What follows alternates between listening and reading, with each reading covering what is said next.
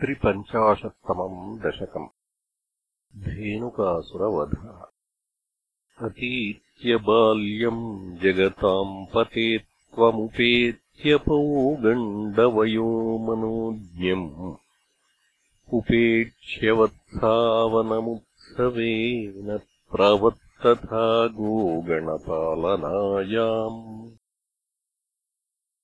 उपक्रम नुगुणैव सेयम् मरुत्पुराधीश तव प्रवृत्तिः गोत्रापरित्राणकृतेव तीर्णस्तदेव देवारभथास्तदा यत् कदापि रामेण समम् वनान्ते वनश्रियम् वीक्ष्य चरन् सुखेन।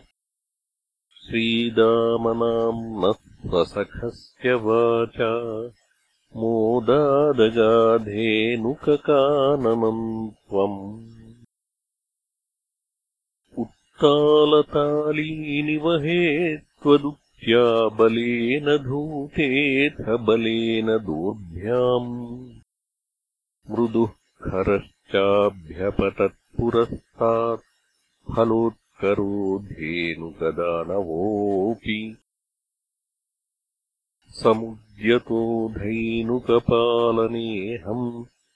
कथम् वधम् धैनुकमद्य कुर्वे इतीव मत्वा ध्रुवमग्रजेन सुरौघयोद्धारमजीघनस्त्वम्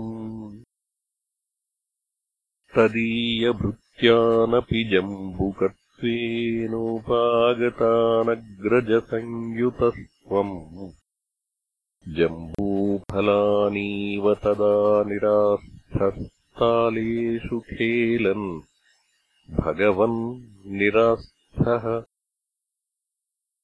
विनिघ्नति त्वय्यथ जम्बुकौघम्। सनामकत्वाद्वरुणः तदानीम् भयाकुलो जम्बुकनामधेयम् श्रुतिप्रसिद्धम् व्यधितेति मन्ये। तवावतारस्य फलम् मुरारे। सञ्जातमद्येति सुरैर्नुतस्त्वम्।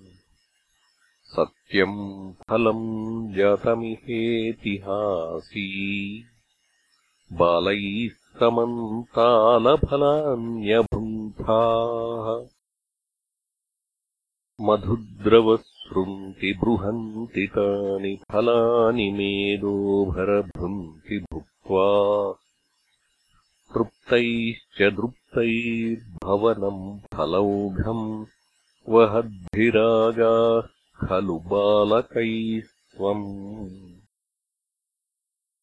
हतो हतो धेनुक इत्युपेत्य फलान्यदद्भिर्मधुराणि लोकैः। जयेति जीवेति नुतो विभो त्वम्। मरुत्पुराधीश्वर पाहि रोगात्